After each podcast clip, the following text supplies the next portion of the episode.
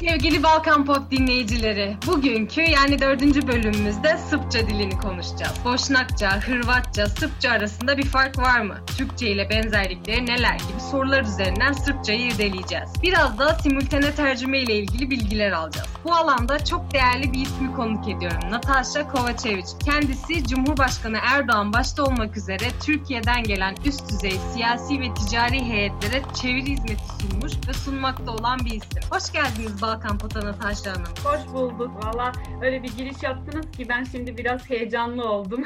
Hiç heyecanlanmanıza gerek yok. Natasha Hanım ilk sorumdan başlamak istiyorum. Sizce Sırpça nasıl bir dil? Yani diğer dillerden onu farklı kılan özellikleri neler? Biraz Sırpça dilinden bahseder misiniz bize? Evet, biraz Sırpça hakkında bir şeyler konuşalım. Sırpça Slav dillerin Güney grubuna ait ve Balkanlara Sırpların göçüyle geldi. Şimdi nasıl geldi? Tabii ki 6.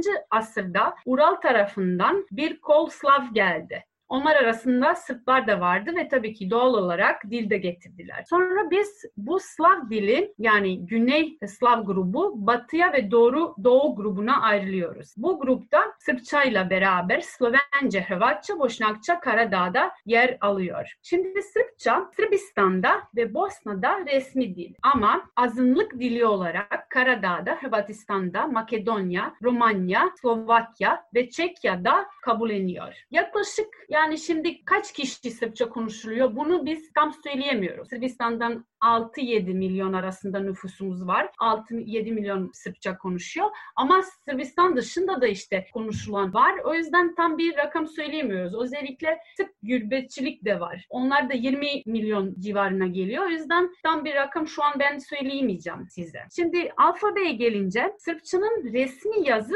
Kiril'dir. Fakat eş zamanda Latin alfabesinde kullanıyoruz. Okullarda okutuluyorlar ilkokuldan beri ve maalesef daha çok tercih ediliyor. Diğer dillerden farklı olan nedir? Şimdi ben Sırpça dili mezunu değilim ama Sırpça ana dili olarak konuşursam aklıma ilk gelen şey bir ses, bir harf. Yani bu ne demek? 19. yüzyılda Vuk Stefanović Karadžić Sırp dilin defoncusu ve Sırp dilinin ilk sözlüğün yazarı Kiril alfabesi Sırpça'ya uyarlarken şöyle bir sistem oluşturdu. Konuştuğun gibi yaz ve yazdığın gibi oku. Bu ne demek? Mesela ben şimdi Mayka kelimesini dersem Mayka anne anlamında ne olacak? M A, Y, K, A olarak yazacağım. Yani harf harf. Bir ses, bir harf. Tamam mı? Şimdi biz aslında Türkçe'ye bakarsak hemen hemen aynı sistem var. Türkçe'de sadece yazılan ama okumayan yumuşak G harfi var. Bunun dışında yani bu sistem de aynı. O yüzden Türkler bizim dilimiz çok iyi okuyabiliyorlar. Bir harf, bir ses. Peki e, Türkiye'de benim karşılaştığım bir konu var. O da Sırpça, e, Boşnakça ve Hırvatça'nın aynı dil olduğuna yönelik düşünce var. Hatta bir iş başvurusuna CV'yi bırakan Boşnak arkadaşlar ya da Sırp arkadaşlar daha çok işte Sırpça biliyorum, Boşnakça biliyorum, Hırvatça biliyorum gibi hani üç dili ayrı ayrı yazıyorlar. Sizce Sırpça, Boşnakça, Hırvatça arasındaki farklar nelerdir? Bunlar aynı dil midir? Ben Türkiye'de yaşadığım zaman da bana da çok soruldu bu soru.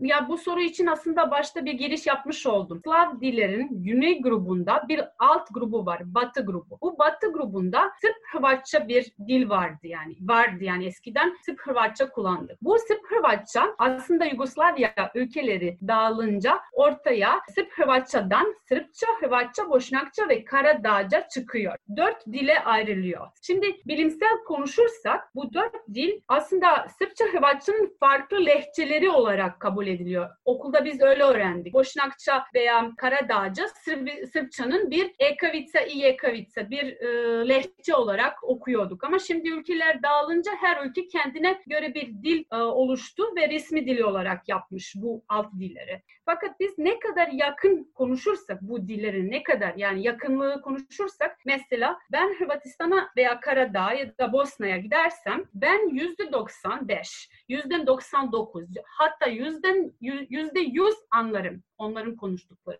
Aynı şekilde onlar da beni anlarlar. Tabii ki biliyorsunuz şimdi Türkçe olarak örnek alalım. Türkiye'de mesela doğuya gidersiniz bir şive farklı var. Mesela bir kelime Karadağ'da belki başka bir kelime kullanıyorlar bir kelime için ama şivede kesinlikle farklar var. Ee, bu oran %95, %100 yeni nesillerle daha düşecek. Niye? Sebebi de şu. Şimdi eski Yugoslavya biliyorsunuz e, resmi olarak okulda ve eğitimde e, görülen Hırvat Sırpça veya Sırp Hırvatça dili olarak kabul ediliyor ve eski nesil yani bizim büyüklerimiz hatta ben öyle e, bir okula gittim. E, biz bu şekilde bu dili öğrendik okullarda. Bu dil bu dilin eğitimi gördük. Yeni nesiller bu dili bu eğitimi görmüyor. Yeni nesiller mesela benim kardeşimin çocuğu şimdi sadece Sırpça görüyor. Hırvatistan'da aynı şekilde bir e, ufak çocuk sadece Hırvatça görüyor. O sadece Latin harfleri öğreniyor. Artık kilit de öğrenmiyor, öğrenmiyorlar Hırvatistan'da. Biz burada Latin'i hala koruyoruz Latin alfabesini. Ben şimdi Hırvatistan'a gittiğimde ilk cümlede benim ilk e, birkaç kelime söylediğimde onlar benim nereli olduğumu hemen anlayacaklar. Benim her kelimeyi anlayacaklar ama şivemden benim nereli olduğumu anlayacaklar.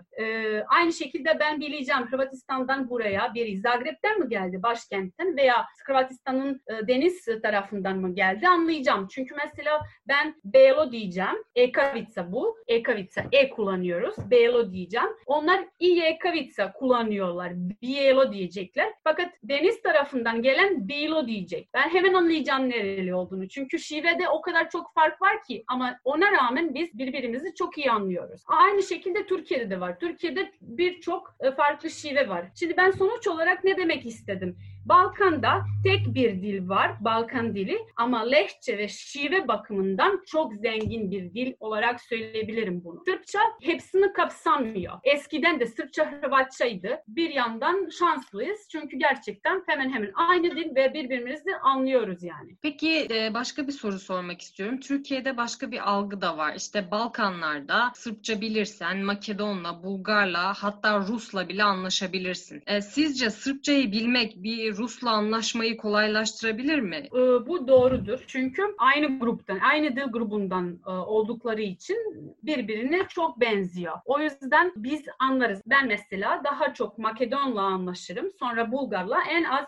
Ruslarla. Ama Ruslarla da %50 anlayabilirim yani konuştuğunu. %50 anlayabilirim. Geçen gün bir Rus hastanesindeydim burada Belgrad'da ve doktor Rusça konuşuyordu. Ben ben gerçekten çok anlıyordum. Yani tabii ki konuyu bildiğim için çok çok daha anlıyordum ama konu bilmezsem de gerçekten aynı dil grubundan e, bütün bu diller geldikleri için çok çok yüksek seviyede anlaşılıyor. Sırpça, Hırvatça batı kolu, Makedonca, Bulgarca ve Rusça e, doğu e, grubuna giriyor. Tabii ki biz ilk sırada en çok Hırvatlarla, Boşnaklarla ve Karadağlılarla anlaşıyoruz. Ama tabii ki yüksek seviyede biz Makedonlarla, Bulgarlarla da konuşabiliyoruz. Sırpçayı biraz Türkçe üzerinden irdelemek istiyorum. Çünkü Türkiye Türkiye'de Sırpçada çok fazla Türkçe kelime olduğuna dair çalışmalar oluyor. Kimi diyor 10 bin kelime, kimi diyor 20 bin kelime. Kelime sınırı sürekli artıyor her çalışmada. Sence Sırpçada çok fazla Türkçe kelime olduğu doğru mu? Yani örnekler verebilir misin bu? Tabii ki bu konuda çok çalışma var. Bu şimdi biraz benim hani mesleğime giriyor. Ben bu konuda böyle bir cümle söylemek istiyorum. Sırpçada bir cümle var. Bu konu artık ağaçtaki kuşlar bilebiliyor. o kadar konuşulan bir konu aslında. Ee, burada da Türkiye'de de e, vesaire. Tabii ki her dilde başka dilden gelen alıntı kelimeleri bulunur. Sırpça Türkçe ilişkisi e, Osmanlı döneminden kaynaklıyor. Malum Sırbistan bölgesi Osmanlı egemenliği altında yaklaşık 500 sene kaldı ve bu süre dilde büyük bir iz bıraktı. Adı geçmiş Vuk Stefanovic Karacic'in sözlüğünde 1818 e, yılında hazırladığı sözlüğünde 2209 kelime kaydedilmiş. Türkçe kelime kaydedilmiş. Fakat 1957 e, yılındaki Abdullah Galiç'in Türkizma sözlüğünde 8742 kelime bulunuyor kullanılıyor. Yani düşünebiliriz e, geçmiş asırda Sırpça Hırvatça'da 8 binden daha fazla Türkçe kelime kullanılıyordu yani. Adam almış bütün kelimeleri toplamış. Bu kelimeler Sırpçaya nasıl geçmiş? Bu konu üzerinde mesela konuşabiliriz. E, basit bir örnek vereceğim. E, Osmanlı zamanında burada ticaret yapılıyordu yani. Balkan zaten biliyoruz ticaret konusunda çok önemli bir pozisyonda bulunuyor.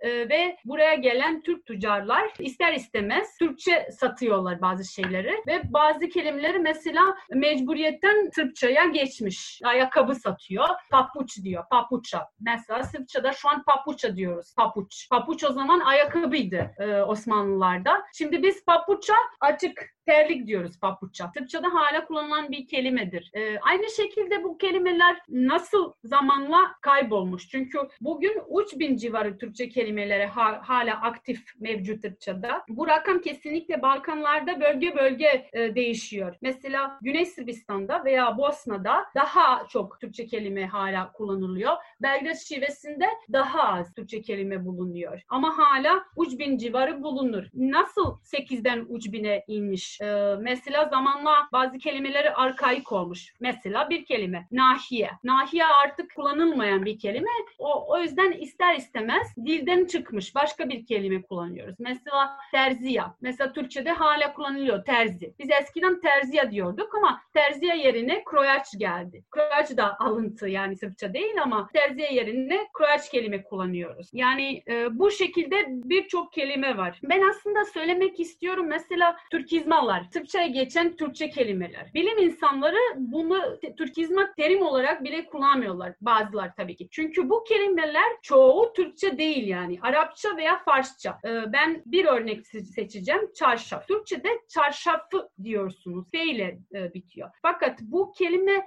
Farsça'da çar, şeb kelime orijinali ve Sırpçada F ile bitmiyor. Çarşavı olarak söylüyoruz. Bunu bize ne gösteriyor? O zaman da Türkçe üzerinde, Osmanlı Türkçesi üzerinde Sırpçaya geçen kelimelerin Sırpçada daha çok orijinal şekli korundu yani. Bunlar orientalizmalar, orientalizm kelimeleri Türkçe üzerinde Balkan e, dillerine, Sırpça diline geçmiş. Ama tabii ki Türkçe üzerinde geçtiği için biz onlara Türkizmalar diyoruz. Ee, örnekler verelim. Mesela taze, kaşika, yorgan, para, saat, çay, komşuya, kafa, burek, zeytin, şeker, cevap. Sayısı yok yani. Bunları biz her gün kullanıyoruz. Yani yorgan, yastık, işte her gün kullandığımız kelime. Mesela taze için biz Sırpçada sveje diyebiliriz ama bazılar için hiç Sırpçası yok. Kahve mesela veya e, burek, hiç Sırpça kelimesi yok yani. Ee, bunun dışında soyadlar da var. Mesela Amidžić, Karadžić, ondan sonra şehir veya bölge isimleri. Mesela Çupriya, köprü kelimeden geliyor. Veya İpeç şehri, Kosova'daki İpeç şehri, İpek kelimesinden geliyor. Burada görebiliriz mesela köprü, Çupriya. Sırpçaya bu kelimeler geçerken tabii kelimelerin şekilleri ve bazen anlamları da değişmiş. Mesela Keçe'ye geçti kebap cevap olmuş, köprü çüprü olmuş. Mesela bazen Sırpça gramerinden dolayı iya eki ekledik. Mesela komşu, komşuya, avlu, avlıya. Sırpça çekimleri yapmak için daha kolay Sırpça grameri e, bu kelimeleri Sırpça grameriye göre kullanmak için mecburen eklendi bunlar. Dediniz ya e, Türkçeden Sırpçaya geçen kelimeler 8 binken 3 bine kadar düştü. Burada işte devlet kurulurken bir sadeleştirme süreci mi oldu? Yani Türkçe kelimeler neden bu kadar hani yarıdan fazla azalış gösterdi? Devlet tarafından düzenlenen bir şey yoktu. Bu doğal olarak kendi kendiyle olmuş. Yani dil canlı bir şey. Dil sürekli gelişen, sürekli değişen bir şey. Dil, her dil. Türkçe olsa, Sırpça da olsa. Şu an mesela hem Sırpçada hem Türkçede bir ton yabancı kelime geliyor. Birçok yabancı kelime giriyor. Modelleşme ve bazı şeylerden de selfie diyoruz, bilmem ne, ne diyoruz. Ama bahsettiğim gibi yani bazı kelimeler hiç kullanmıyor. İşte nahiye kelime gibi artık nahiyelerimiz yok. Şu an nahiye olarak bölgeleri ayrılmıyoruz. Artık biz burada belediye olarak ya da işte başka şekilde şekilde olarak yapıyoruz. İşte bazı bazı aletler hiç kullanmıyoruz mesela. Eskiden işte kullanılan bir alet artık kullanılmıyor ve mecbur o kelime de çıkıyor. O kelimelere biz arkaik diyoruz. Yani arkaik yani mevcut ama kullanılmıyor. Pasif duruyor. Dilde bulunuyor ama yok. Yani kullanılmıyor çünkü e, o alet yok ya da o bir şey yok. Ee, uzmanlık alanınla alakalı bir soru daha sormak istiyorum. Bildiğim kadarıyla Türkiye'den gelen birçok heyete çeviri yaptınız ve Türkçeden Sırpçaya çeviriler oldu bunlar ya da Sırpçadan Türkçe'ye. Merak ettiğim konu Türkçeden Sırpçaya çevirilerde sizi en çok zorlayan kelimeler ya da mesele nedir? Yani siz çeviri yaparken zorlandığınız noktalar nedir? Bunlardan biraz bahsedebilir misiniz? Tabii ki bahsedebilirim. Türkçe, Sırpça arasında hem gramer bakımında hem dil yapısı bakımında çok fark var. O yüzden çeviri esnasında e, zorladığımız nokta hem çok hem az. Türkçe sonradan eklemeli tümce yapısı açısından Sırpçaya tam ters olarak geliyor. Mesela Türkçe'de özne, nesne, yüklem gidiyor. Sırpçada yüklem başına geliyor. Yani cümle başında yükle, yüklem cümle başında olması gerekiyor ya Türkçe'de sonunda olması gerekiyor. O yüzden mesela simultane çeviri çok zor oluyor. Çünkü simultane çeviri, e, bunu simultane yapan her kişi biliyor. Bir konut konuşuyor ve siz onun konuştuğunu çevireceksiniz. O başladığı konuşmaya başladığı anda siz başlamıyorsunuz. Siz bir e, müddet beklemelisiniz. Ama o müddet geçerse o zaman çok geç kalıyorsunuz. Tam bir belirli bir müddet var. Eğer çok geç başlarsanız çok fazla kaybediyor, kaybedebiliyorsunuz ve zihninde, hafızada e, her şeyi aynı zamanda çeviremezsiniz. Şimdi bunun için Türkçe biraz zor. Çünkü ben şimdi biri anlatıyorsam diyelim şey diyecek. Mesela eğer biri derse e, ben mütevelli heyetle bazı bazı Sırbistan-Türkiye arasında konular üzerinde görüşmek için geleceğim. Tabii ki ben şimdi burada Belgrad'da dediği için herhalde Belgrad'a gelecek diye tahmin edebiliyorum çeviri esnasında. Ama e, yüklem sonuna koyduğu için ben tüm cümleyi beklemek zorundayım onun söylediğini. Ben şimdi bütün cümle, cümle çok daha uzun olursa beklersem simultane çeviri esnasında çok zorlanırım. Çok zorlanırım yani. Çünkü beklemem lazım. Bu sefer ben daha birinci cümle söylemedim. O ikinci söylüyor. Ben söyle, söylerken ben bir aynı zamanda e, dinlemem gerekiyor. Bu biraz e, zor oluyor. O yüzden Türkçe çok zor bir dil yani simultane etmek için. Ama onun dışında ardil veya yazılı veya başka bir şekli e, çok zor olmuyor. Tabii ki bana şimdi zor olan kısımlar deyimler, argolar zor geliyor bana. Niye? Çünkü deyimler her dilde çok farklı olabilir. E, argodan daha ziyade deyim. En sonunda öğrenilen bir şey. Özellikle o ülkede yaşamalısınız, kültürü bilmelisiniz. Mesela çok ilginç bir örnek söyleyeceğim. Buraya Türkiye'den bir heyet geldi ve e, bir konu üzerinde konuşuldu. Şimdi Türk heyetin e, başkanı konuştu ve Sırp tarafına koçumsun dedi. Koçumsun. Yani bu Türkçe'de biliyoruz güzel, iltifat, güzel bir e, kelime ama tercüme direkt hiç düşünmeden sen tisi mol ovan çevirdi ki Sırpçada bu hakaret. Türk heyeti alkışlıyor, Sırp, da, Sırp taraf şaşa kalmış. Niye şimdi dürük yerden bana hakaret ediyor? Tabii ki tercümanlığın e, o anda düşünmesizliği yani o anda e, ya da bilmedi ya da çok düşünmedi. O yüzden tercüman olarak bu yani özellikle resmi seviyede bu konuları çok çok düşünmemiz lazım. Çok dikkatli çevirmemiz lazım. Benim de e, dedim söyleyebilirim. Bu konular bazen en zor geliyor. Çünkü gerçekten bazen işte resmi heyetler bile olsa çok deyimli konuşabilir ve o anda Sırpçada veya Türkçe'de e, uygun bir deyim bulamazsın. Çok açıklayarak, çok hikaye anlatarak söylemem lazım ne, de, ne demek istedi oradaki çok teşekkür ederim programımıza katıldığınız için Natasha Hanım. Ee, sevgili Balkan Pod dinleyicileri haftaya başka bir konuk ve gündemle görüşmek üzere. Ne diyoruz? Balkan Pod'da kalın, gündemde kalın.